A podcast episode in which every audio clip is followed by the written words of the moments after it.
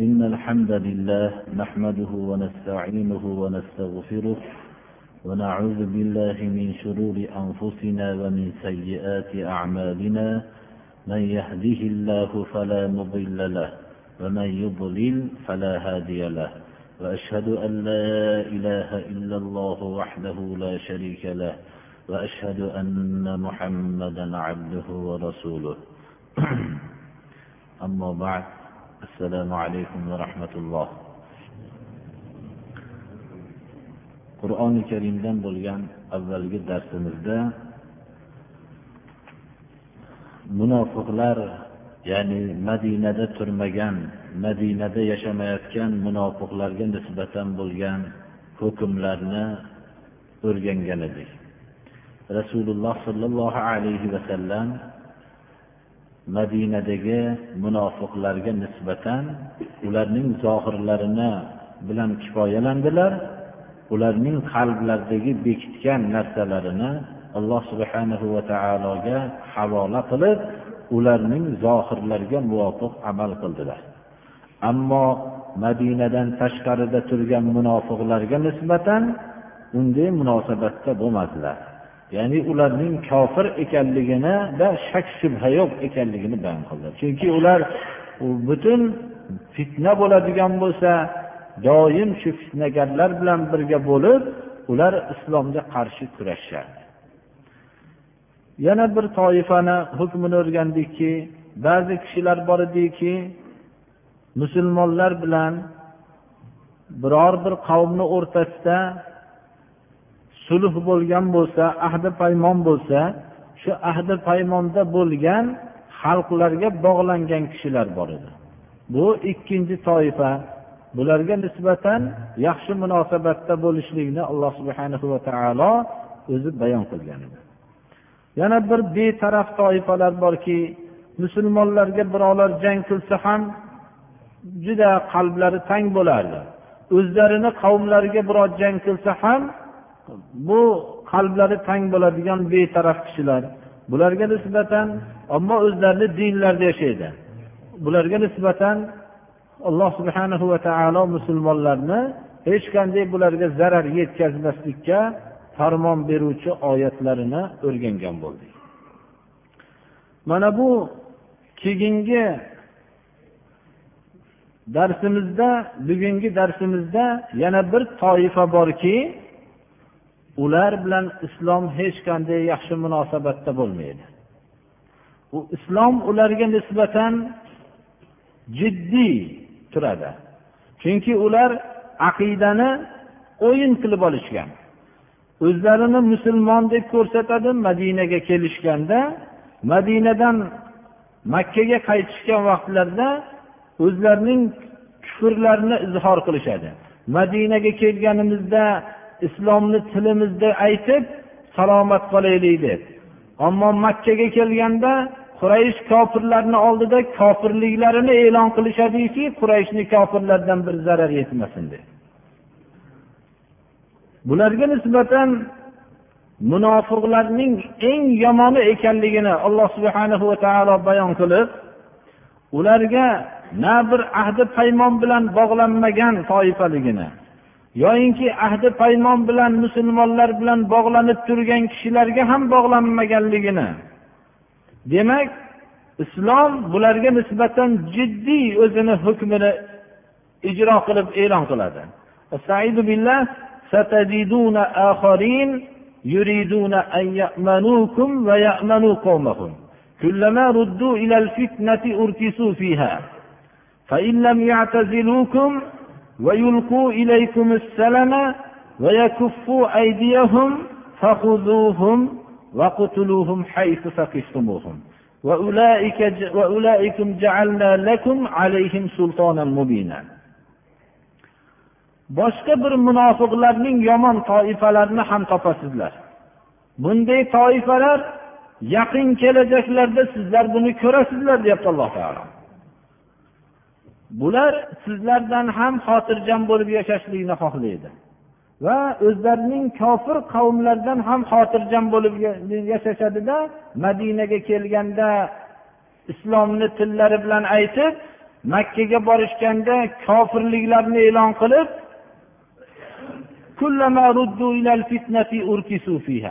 qaysi bir fitna ish bo'ladigan bo'lsa shunga olib borilsa bular shunga sho'ng'ishib kirishadi.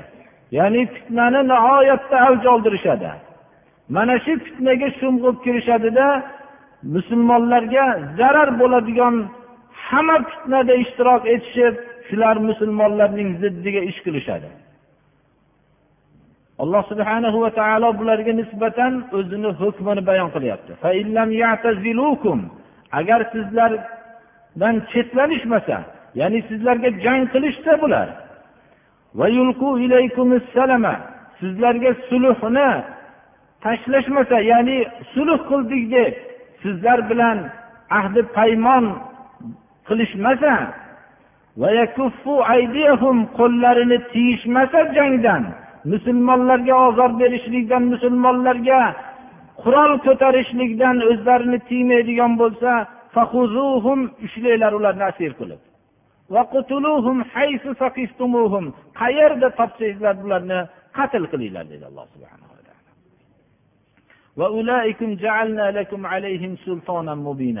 mana bu toifani shunday maraz toifani sizlarga shularga nisbatan qattiq munosabatda bo'lishlik huquqini sizlarga berdik mana deyapti alloh taolo.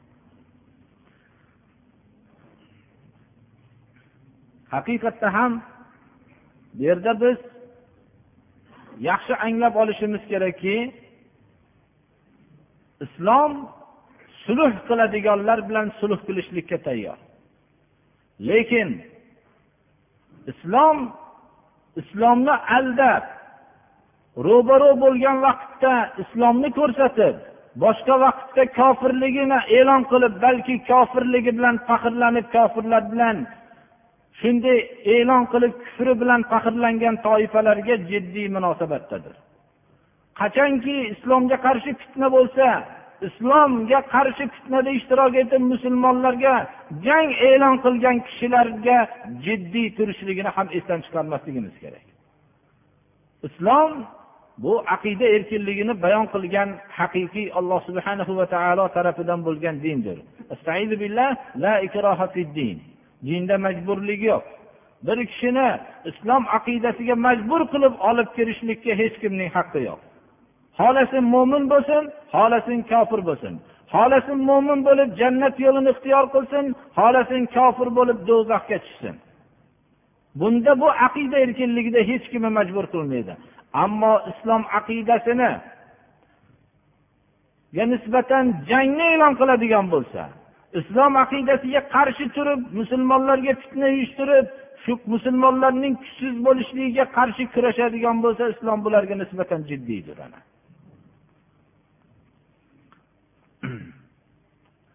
Bu hozirgi taqriban bir bet miqdorda o'tgan darsimizda musulmonlarning boshqa o'ziga nisbatan harbiy munosabatda turganlarga va boshqa betaraf bo'lgan turgan kishilarga nisbatan bo'lgan ahkomlarni o'rgangan bo'ldik.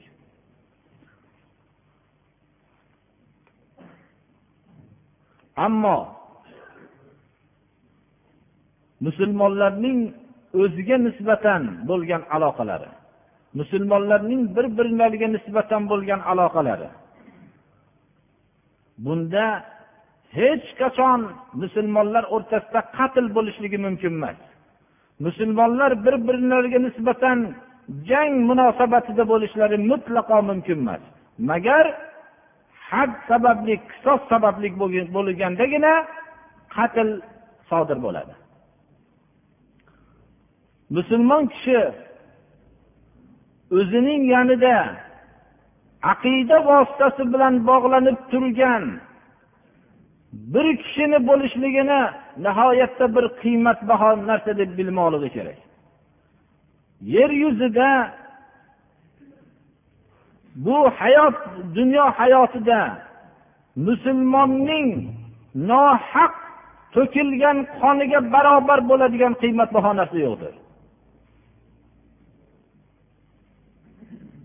Shuning uchun ham qur'oni karim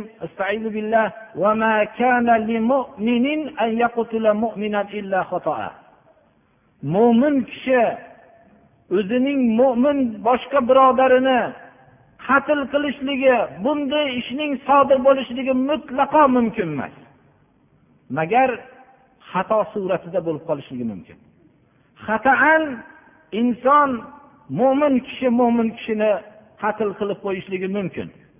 Biror bir baxtsiz hodisa sababli biror bir mo'min kishini qatl qilib qo'yishligi mumkin. Ammo qasddan mo'min kishi ikkinchi bir mo'minni qatl qilishligi mutlaqo mumkin emasdir. Alloh subhanahu va taolo xataan qatl qilib qo'ygan o'rinda qanday hukmlar bo'lishligini bayon qilyapti. Masalan hozirgi vaqtdagi baxtsiz hodisalar birodarlar bir kishi o'zining sayyorasi bilan ketayotib biror bir mo'min kishini qasddan qatl qilmaydi hech kim birodarlar. Biror bir voqea shunday bo'lib qolib qatl bo'lib qolgan vaqtda qanday hukmni islom qiladi? Biror bir kishi bir narsani biror mevani qoqishlik uchun tosh otgan bo'lsa bu tosh biror mo'min kishining ustiga tushib qatliga sabab bo'lib qolishligi ham mumkin o'limiga. shu vaqtda qanday hukmni islom ko'rsatadi islomning hukmi mana bu bugungi darsimizda mana bu oyatda bayon qilingan خطأ فتحرير رقبة مؤمنة ودية مسلمة إلى أهله إلا أن يصدقوا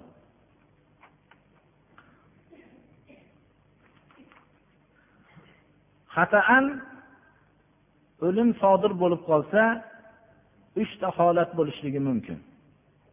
Birinchi holat qatl bir mo'min ustiga tushganu bu mo'minni ahli islom diyorida ular ham mo'min kishilardir. Mana bu suratda islom mo'min bir qulni ozod qilishlikni taklif qiladi. Ya'ni yelkasiga vazifa qilib yuklaydi.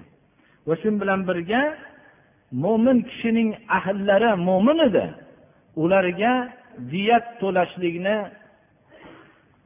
lozim ko'radi. Diyat katta miqdordagi moliyaviy miqdordir birodarlar. Katta miqdordagi molni diyat deyiladi. Diyatni qozi tayin qiladi. Ba'zi e'tiqodot ba'zi fikrlar borki ya'ni katta miqdorda bo'ladi. Avvalgi davrlarda tuya bilan o'lchanib yetti yuzta tuya miqdorida diyat to'laydi deyilgan. Islom bu yerdagi katta miqdorini to'lashlikka qodir bo'lmasachi degan savol paydo bo'ladi. Bu savolga javob shuki shu kishining xonadonidagi molidan to'lanadi. Bunga yetmasa qarindoshlaridan olinadi. Bu qarindoshlarning moli ham yetmasa shu mahalla kishilaridan olinadi. Mahalladagi kishilarni moli yetmasa shu nohiyadagi kishilardan olinadi. Nohiyadagi kishilarning moli yetmasa viloyatdagi kishilardan olinadi. Islom bir kishining xataan bu ishni sodir qilib qo'yganligida jinoyatida uning qarindoshlarini ham jinoyatchi deb e'tibor qiladi. Chunki buning tarbiyasida xato bo'lishligida buning tarbiyasiga komil tarbiya bermaslikda mahalla ahllarining ham buning hissasi yo'q emas birodarlar. Uning tarbiya qilishlikda shunday xataan birovni o'ldirib qo'yadigan holatda ehtiyot bo'lishlik tarbiyasini bermaganligi uchun nohiya kishilarning mas'ul kishilarning hatto viloyat kishilarining ham javobgarligi bor. Agar shu bola bir voyaga yetib katta ulamo bo'lib millat uchun katta bir islom uchun xizmat qiladigan bir oliy inson bo'lganda shu millat faxrlanarmidi? Albatta faxrlanardi. Shu millat shu kishi bilan faxrlangan bo'lardi. Endi buning jinoyatida ham o'zining javobgarligini his qilsin. Islom har bir foyda va zararda butun jamiyatni hammasini mas'ul deb e'tibor qiladi. Shuning uchun ham amri ma'ruf nahiy munkarni islom farz qildi. Nima uchun biror bir kishi xato ish qilayotgan bo'lsa ey birodar sen xato qilyapsan deb shuni ogohlantirsinki uning xatosida buning ham sharikligi bor. Hozirgi vaqtda o'g'rilik qilayotgan bolalarning mast qiluvchi jinliklarni ishlayotgan fohishaboz bo'layotgan bularning hammasini buzilishligida jamiyat javobgardir birodarlar. Nima uchun? Bular dinsiz bir falsafaning birinchi javobgarligi birinchi o'rinda turadi. Ularga shunday gunohlarni ziynatli qilib ko'rsatgan targ'ibot vositalari bo'lgan. Shuning uchun ham islom amri ma'rufni farz qildi. Har bir kishi shuning uchun biror bir xato qilayotgan vaqtda uni ogohlantirishlik uning vazifasi deb bilmoqligi kerak. Mo'min qulni ozod qilishlik hukmiga bir diqqat bilan qaraylik. Biz diqqat bilan qaraylik. Xususan dini islomga dini islom quldorlik tuzumi degan nodonlar yaxshilab qarasin. Islom dini bir kishining xataan qatl qilib qo'yganda jamiyatda bir kishi yo'qoldi. Bir mo'min kishi yo'qoldi. Endi uning o'rnini evazlash kerak. Bu mo'min bir qulni ozod qilishlik bilan. Islom qulga o'lik deb e'tibor qilganligini bir nazar tashlashsin nodonlar. Islom quldorlik tuzumini tasdiqlagan tuzum emas. Islom quldorlikni yo'qotishlik uchun harakat qilgan tuzum. Islom qulni go'yoki o'lik shaxs deb e'tibor qilib uni biror bir jamiyatda yo'qolgan mo'min kishining muqobalasiga mo'min qulni ozod qilinyaptiki uning o'rniga bir o'likni tiriltirib qo'yib qo'ygan deb e'tibor qilyapti. Ana mo'min kishini ozod qilish. Bu jamiyatdagi iymonli bir kishining yo'qolganligiga o'rniga evaz qilib bir qulni ozod qilishlikni xataan bir kishini o'ldirib qo'ygan kishiga zimmasiga yuklayapti. Diyat uyga qarindoshlariga iqtisodiy bir yordamni olib kelayotgan kishi yo'qoldi. Uning evaziga katta miqdordagi diyat bilan uning bolalarining voyaga yetib tarbiyalanishligi uchun moliyaviy bir miqdorni qo'yib qo'ydi birodarlar. Mana bu hukmdan biz o'zimizga xulosa chiqarib olsak bo'ladi. Boshqa bir hukmlarga taqqos qilgan vaqtimizda islom hukmini oliyligini bilamiz. Boshqa hukmlar birovni qatl qilsa uning habs qilib qamab qo'yadi birodarlar. Bu qatl qilingan oiladagi kishilarga zarracha foydasi yo'q. Biror bir so'm bilan ularga foyda yetkazilmaydi. Ular iqtisodiy bir mol topib kelayotgan kishidan mahrum bo'lib qolishaveradi jamiyatda uning o'rnini tiklaydigan o'rin yo'q lekin buni axloqlantirish deb qaraydi. U yana axloqli bo'lgan inson qo'qqisdan xatan bir kishini o'ldirib qo'ygan bo'lsa unday axloqsiz o'ringa kirib turib xulqi buzilib chiqishlikdan boshqa narsa bo'lmaydi birodarlar. Shunda bir narsani men shu yerda bo'lgan voqeani men eshitgan voqeani aytib o'tishligimni munosib deb bilaman.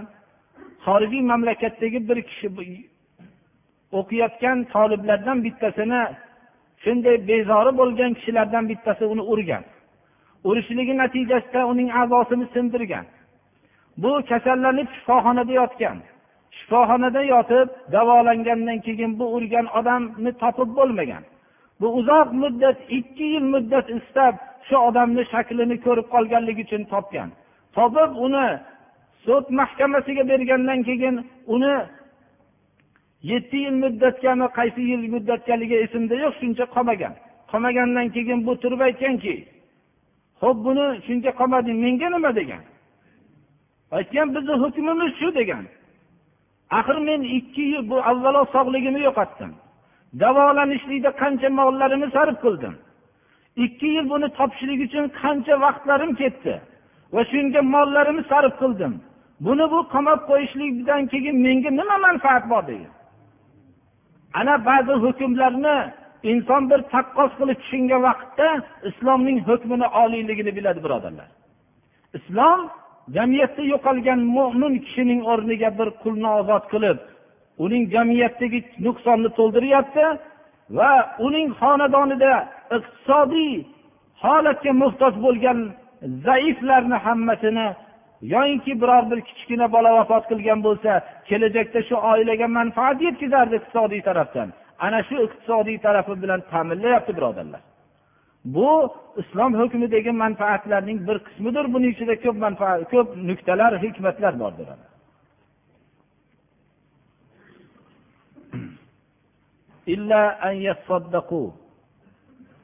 ahliga ya'ni shu vafot qilib o'lgan kishining ahliga topshiriladigan diyat boshqa yerga topshirilmaydi. Davlatga topshirilmaydi. Bu mazlum bo'lgan xonadonga topshiriladi.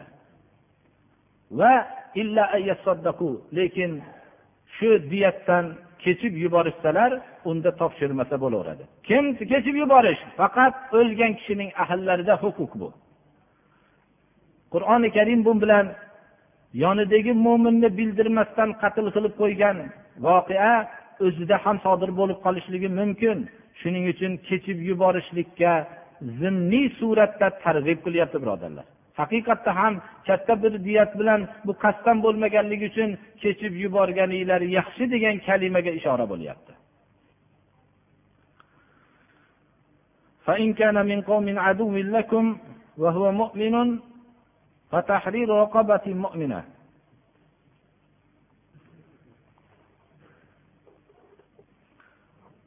agar qatl qilingan ya'ni bilmas bildirib sezmagan holatda xataan o'ldirilib qo'ygan kishi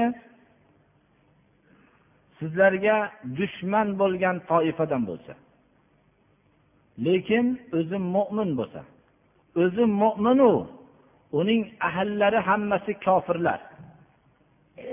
O'lgan odam mo'min edi. Uning ahllari uning ota onalari kofir edi. Bunda mo'min bir kishini ozod qilishlik qulni ozod qilishlik bilmasdan o'ldirib qo'ygan kishining yelkasidagi vazifadir. Lekin bu yerda diyat aytilmayapti. Nima uchun? Mo'min bo'lmagan toifaga moliyaviy yordam berishlik u mo'minlar ustida. Ularning yana ularga hujum qilishlikka bu mol bilan sabab bo'ladi. Shuning uchun jamiyatdagi o'rnini to'ldirilyaptiyu uning ahliga diyat topshiriladi deyilmayapti birodarlar. Mana bundan bilib olishimiz kerakki molimiz qayerga ketayotganligini hatto bilmasdan qatl qilib qo'ygan vaqtda ham ahliga diyat topshirilishligini islom aytmayapti birodarlar.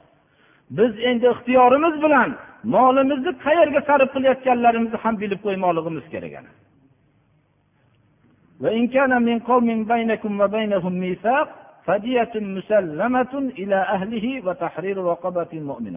agar sizlar bilan ularni o'rtasida ahdi paymon bo'lgan kishilar.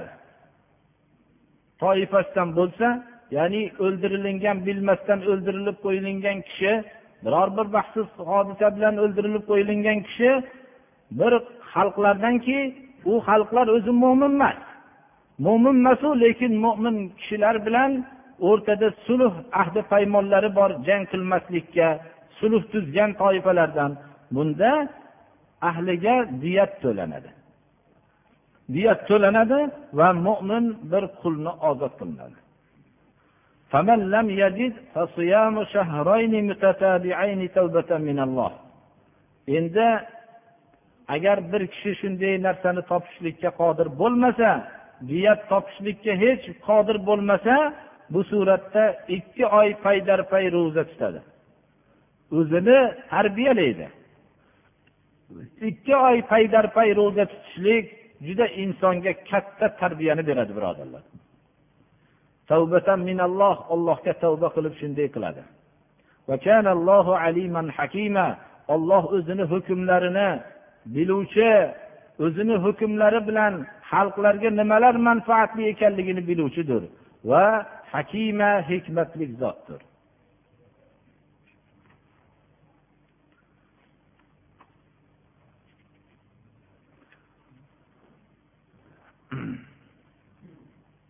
Bu xataan bilmasdan bir kishini o'ldirilib qo'yilgandagi hukmlardir. Ammo qasddan bo'lgan qatl mo'mindan sodir bo'lishligi mumkin emas.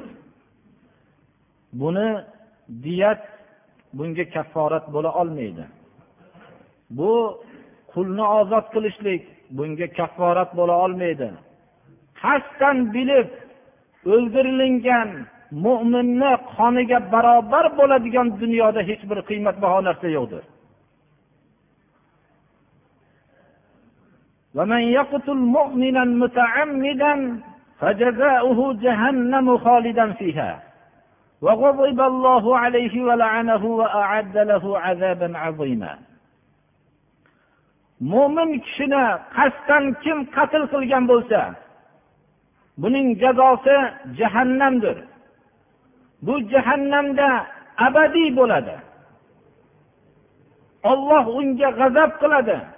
Olloh uni la'natlaydi va unga katta azobni hozirlab qo'ygan birodarlar. Mo'min kishi iymonni davo qilgan kishidan bunday gunohni bo'lishligi mumkin emas birodarlar.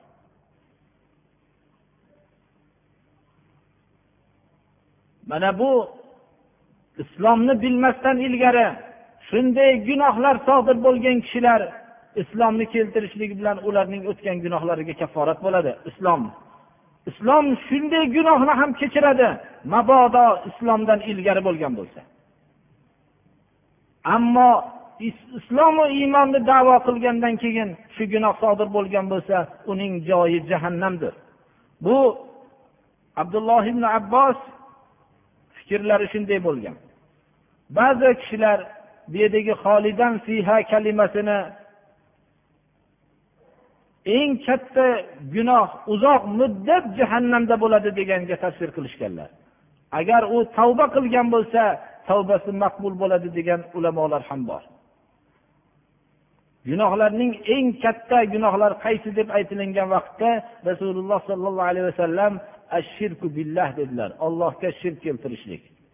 Ya'ni odamni qatl qilishlikdan ham shirk katta gunohdir birodarlar. Shuni yaxshi bilmoqligimiz kerak. Chunki alloh subhana va taolo shirkni kechirmaydi. Undan boshqa gunohlarni kechiradi deyilgan deb shunday gunohni ham qattiq nadomatlar bilan umr bo'yi yig'lab o'tmoqligi kerakki mana bunday gunohni sodir bo'lgan kishini ba'zi ulamolar gunohini alloh subhana va taolo kechiradi. Xolidan fihadan murod bu uzoq muddat turishligi deb tafsir qilishganlar. Islomning avvalgi madrasasida tarbiya topgan zotlar ashobi ikromlar bu oyatni islom madrasasida yaxshi o'rganishgan edilar.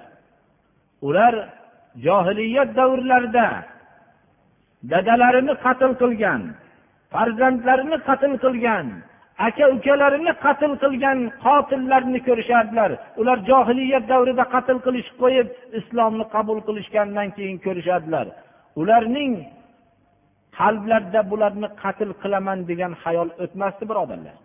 Meni dadamni qatl qilgan edi deb ularni qatl qilishlikka bo'lgan xayol o'tmasdi.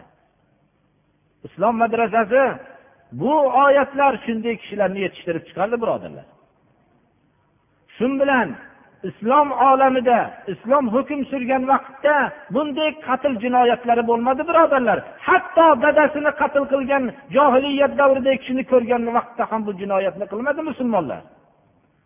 Ammo xudosizlik falsafasida ulg'aygan xudosizlik falsafasini odamlarga o'rgatgan bu kishilarning tarbiyasida bo'lgan hozirgi dunyoni qarangki arzimas bir oddiy bir narsa uchun odamlarning oilasi bilan qatl qilib chiqib ketyapti birodarlar.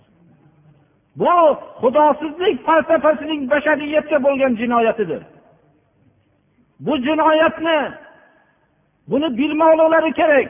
Qaytib bu falsafani havas qilmasliklari kerak. Xudosizlik falsafasi insonning eng arzon bir narsaga aylantirib tashladi birodarlar. Alloh subhana va taoloning mezonida mo'min kishining bir tomchi qoniga barobar bo'ladigan qiymatbaho dunyoda narsa yo'qdir birodarlar. Inson shunday arzimas bir matoga aylandi. Insonni oddiy bir iqtisodiy yuksalishlik uchun uning butun kasallanib o'ladigan kasallar bo'lishligini e'tiborga olmadi bu xudosizlik falsafasi. Mana bu narsani qanchalik bashariyatga jinoyati qaytib tarixda takrorlanishligidan ehtiyot bo'lmoqligi kerak?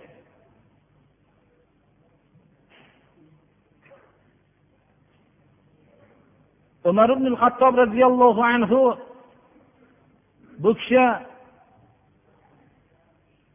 mujohidlarni kuzatayotgan vaqtlarida ularning rohatlanib olib ketishlikka rohatlantirib olib ketishlikka harbiy qo'mondonni buyruq qildilar. Va aytdilarki birortasini qiynamagin dedilar.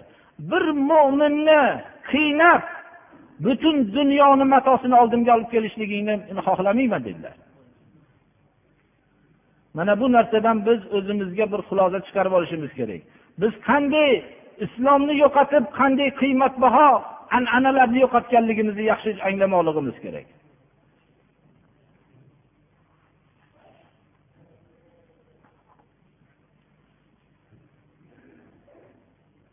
Ana johiliyat vaqtlarida oddiy narsalar odamlarning qatliga sabab bo'lardi. Balki qabilalarning qatliga sabab bo'lardi. Oddiy mana harbul basus deb atalgan bu janglar uzoq yillar davom etgan. Avs bilan hazraj o'rtasidagi janglar hatto qirq yillab ba'zilar yuz yillab davom etgan birodarlar to'xtamasdan. Shularning sabablari oddiy narsa bo'lgan edi. Shunday johiliyatda yashagan kishilarni islom shunday tarbiya qildiki o'zlarining otalarini johiliyat davrida qatl qilgan kishilarni ko'rib ham kechirishardi birodarlar. Mana endi yana bir johiliyatga duchor bo'lindi. Bu qaysi johiliyat? Bu xudosizlik johiliyati. Bu har bir narsaning taraqqiy topishligi birodarlar moddiy narsaning ko'tarilishligi bilan bo'lmaydi. Insonning ongini rivojlanishligi bilan bo'ladi. Inson qo'lida moddiy narsalar bo'lmoqligi kerak. Moddiy narsalarni ko'paytirishlik uchun inson ola asbobga aylanmasligi kerak. Bu johiliyatdir bu asbobga aylanib qolsa insonlarini mana bu islomning qanchalik odamlarning johiliyat botqog'idan shunday oliy maydonga olib chiqqanligini biz bilib o'zimiz qanday oliy din egalari ekanligimizni anglamoqligimiz kerak. Xususan yoshlar buni anglashliklari kerakki bunday johiliyat qaytib takrorlanmasligiga harakat qilmoqliklari kerak. Alloh subhana va taolo hozirgi darsdagi o'tgan oyatlarni hammasiga alloh amal qilishlikka alloh taolo o'zi tavfiq bersin. صلى الله تعالى على خير خلقه محمد وآله وأصحابه أجمعين mana nima qilib qo'ysalar shuncha deb qo'ysalar bir masala so'rabdilar masalan bir kishini tahorati doim tahorat bilan turishlik imkoniyati bo'lmasa buni islom istilohida sohibi uzr deyiladi ya'ni uzrli kishi Har namozga tahorat qilib namoz o'qiveradida bir joydan qon chiqib ketgan bo'lsa qon chiqaveradi.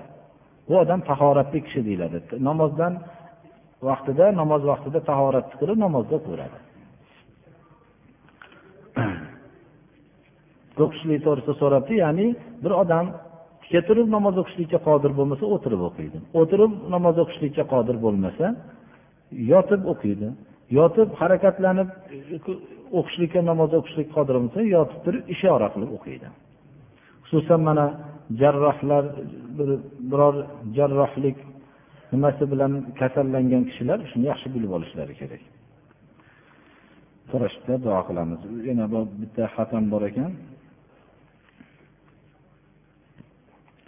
Ho'p birinchi marta biz mana sajdaga bosh qo'yibmiz bir duo qilib bersangiz deb iltimos etdilar.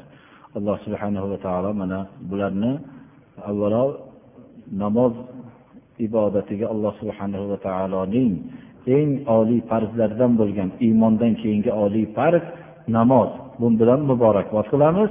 Alloh subhana va taolo shu ibodatda barqaror bo'lishlikni allohdan so'raymiz. Hozirgi vaqtning masalasini ham aytib o'tmoqligimiz kerak. Alhamdulillahi robbil alamin. Mana haj safari muddati yaqinlashib qoldi. Ba'zi birodarlarimiz mana ketishyaptilar. Navbatma navbat haj safariga borishlik boshlandi.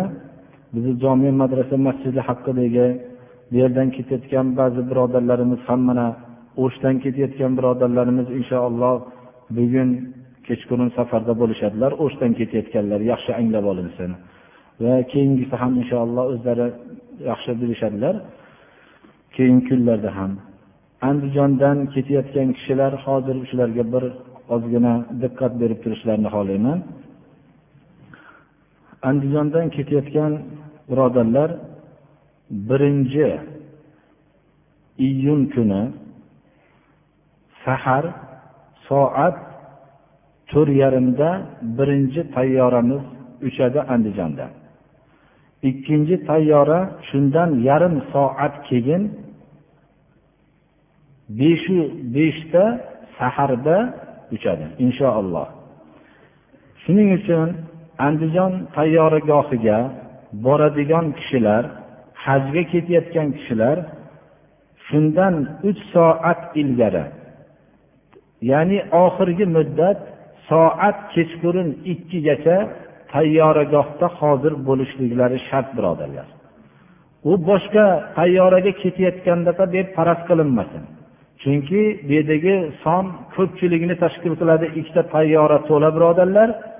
Bular andijondan toshkentga borishib inshaalloh toshkentdan katta tayyoraga bitta tayyoraga chiqib u yerda hech qanday shu tayyoradan tushib tayyoraga chiqilinadi u yerda hisob kitob boshqa gap bo'lmaydi.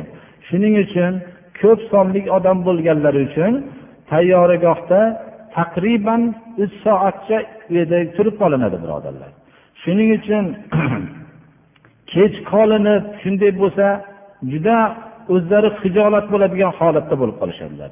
Shuning uchun oxirgi daqiqa shu ikkida kechqurun ikkida ya'ni yakshanba kuni kechqurun ikkida shu yerda bo'lmoqlari kerak. Tong otayotgan to'rt yarimda uchadi ikkinchisi bo'lsa beshu beshda uchadi. Tushunarli bo'ldimi? Andijondan ketayotgan kishilar. Shu shu yerda har bir kishi shularni ham bilib olishlari kerakki qo'lda ko'tarib ketayotgan bitta qo'lda yuki bo'ladi. Bu o'zini kerakli yuklari qo'lida ko'taradi. Shu besh kilo bo'lmoqligi kerak birodarlar. Bu yukka topshiriladigan yuki yigirma kilodan ortiq bo'lmasligi kerak.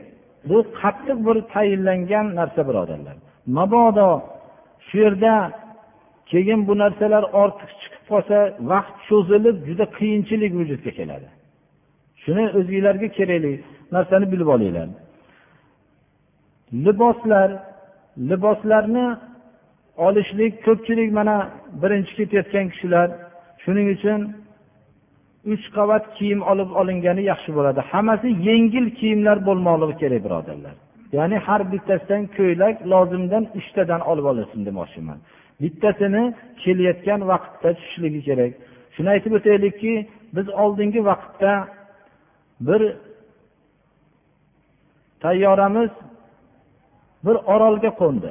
Yo'lda kelyapti. Shu orolda yarim soatdan ko'ra ko'proq turishlikka to'g'ri keldi. Tayyoradan tushib shu yerda turganimizda bir boshqa millatlar hatto ular din nima nima ekanligini bilmaydigan millatlar ekan.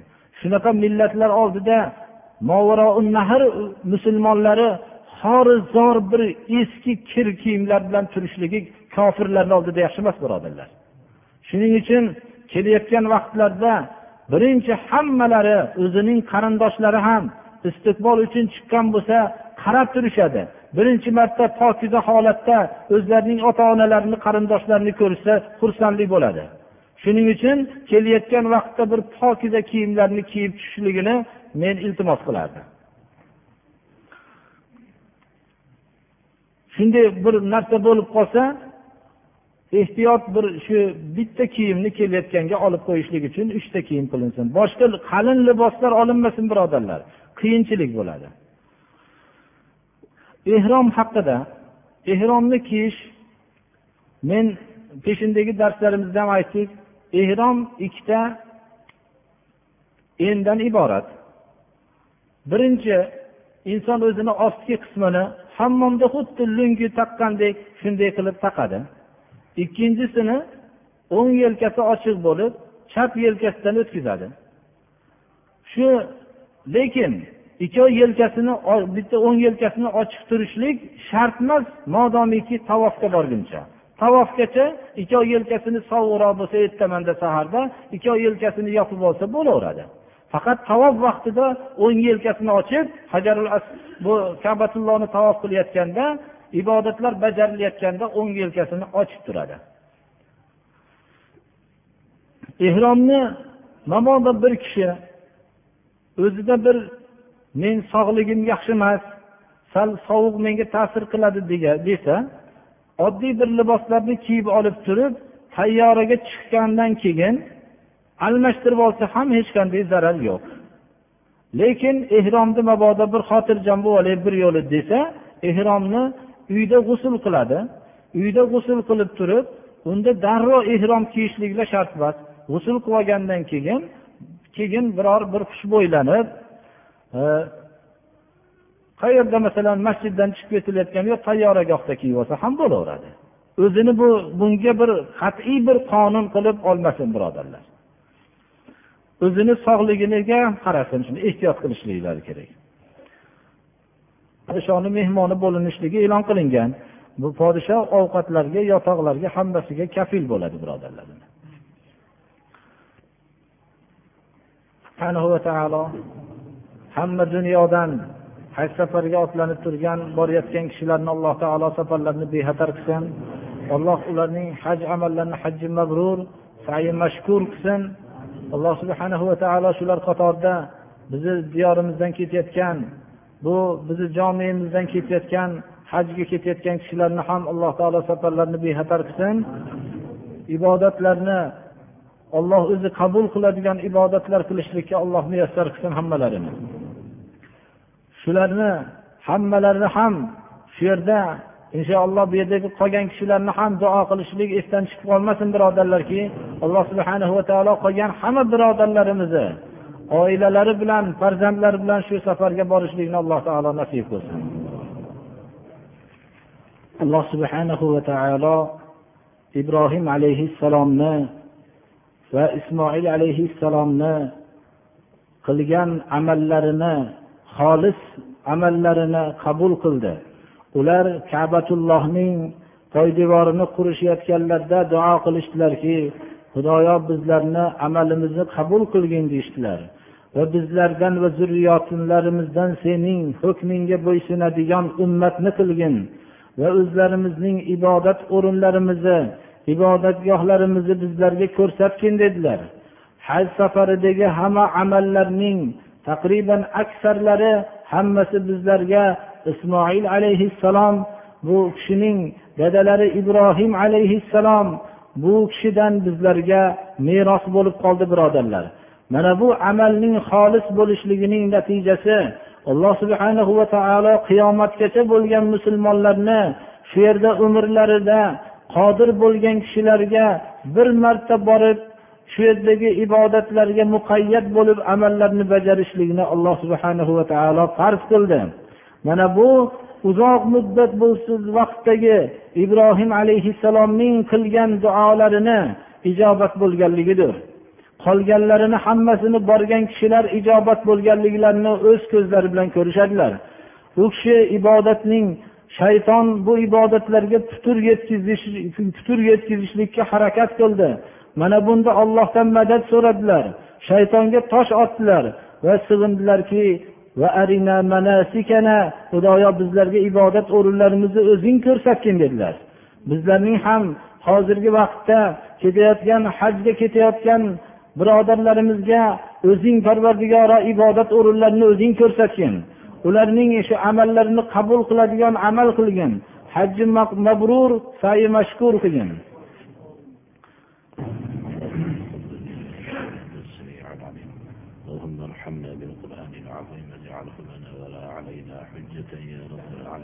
الله أكبر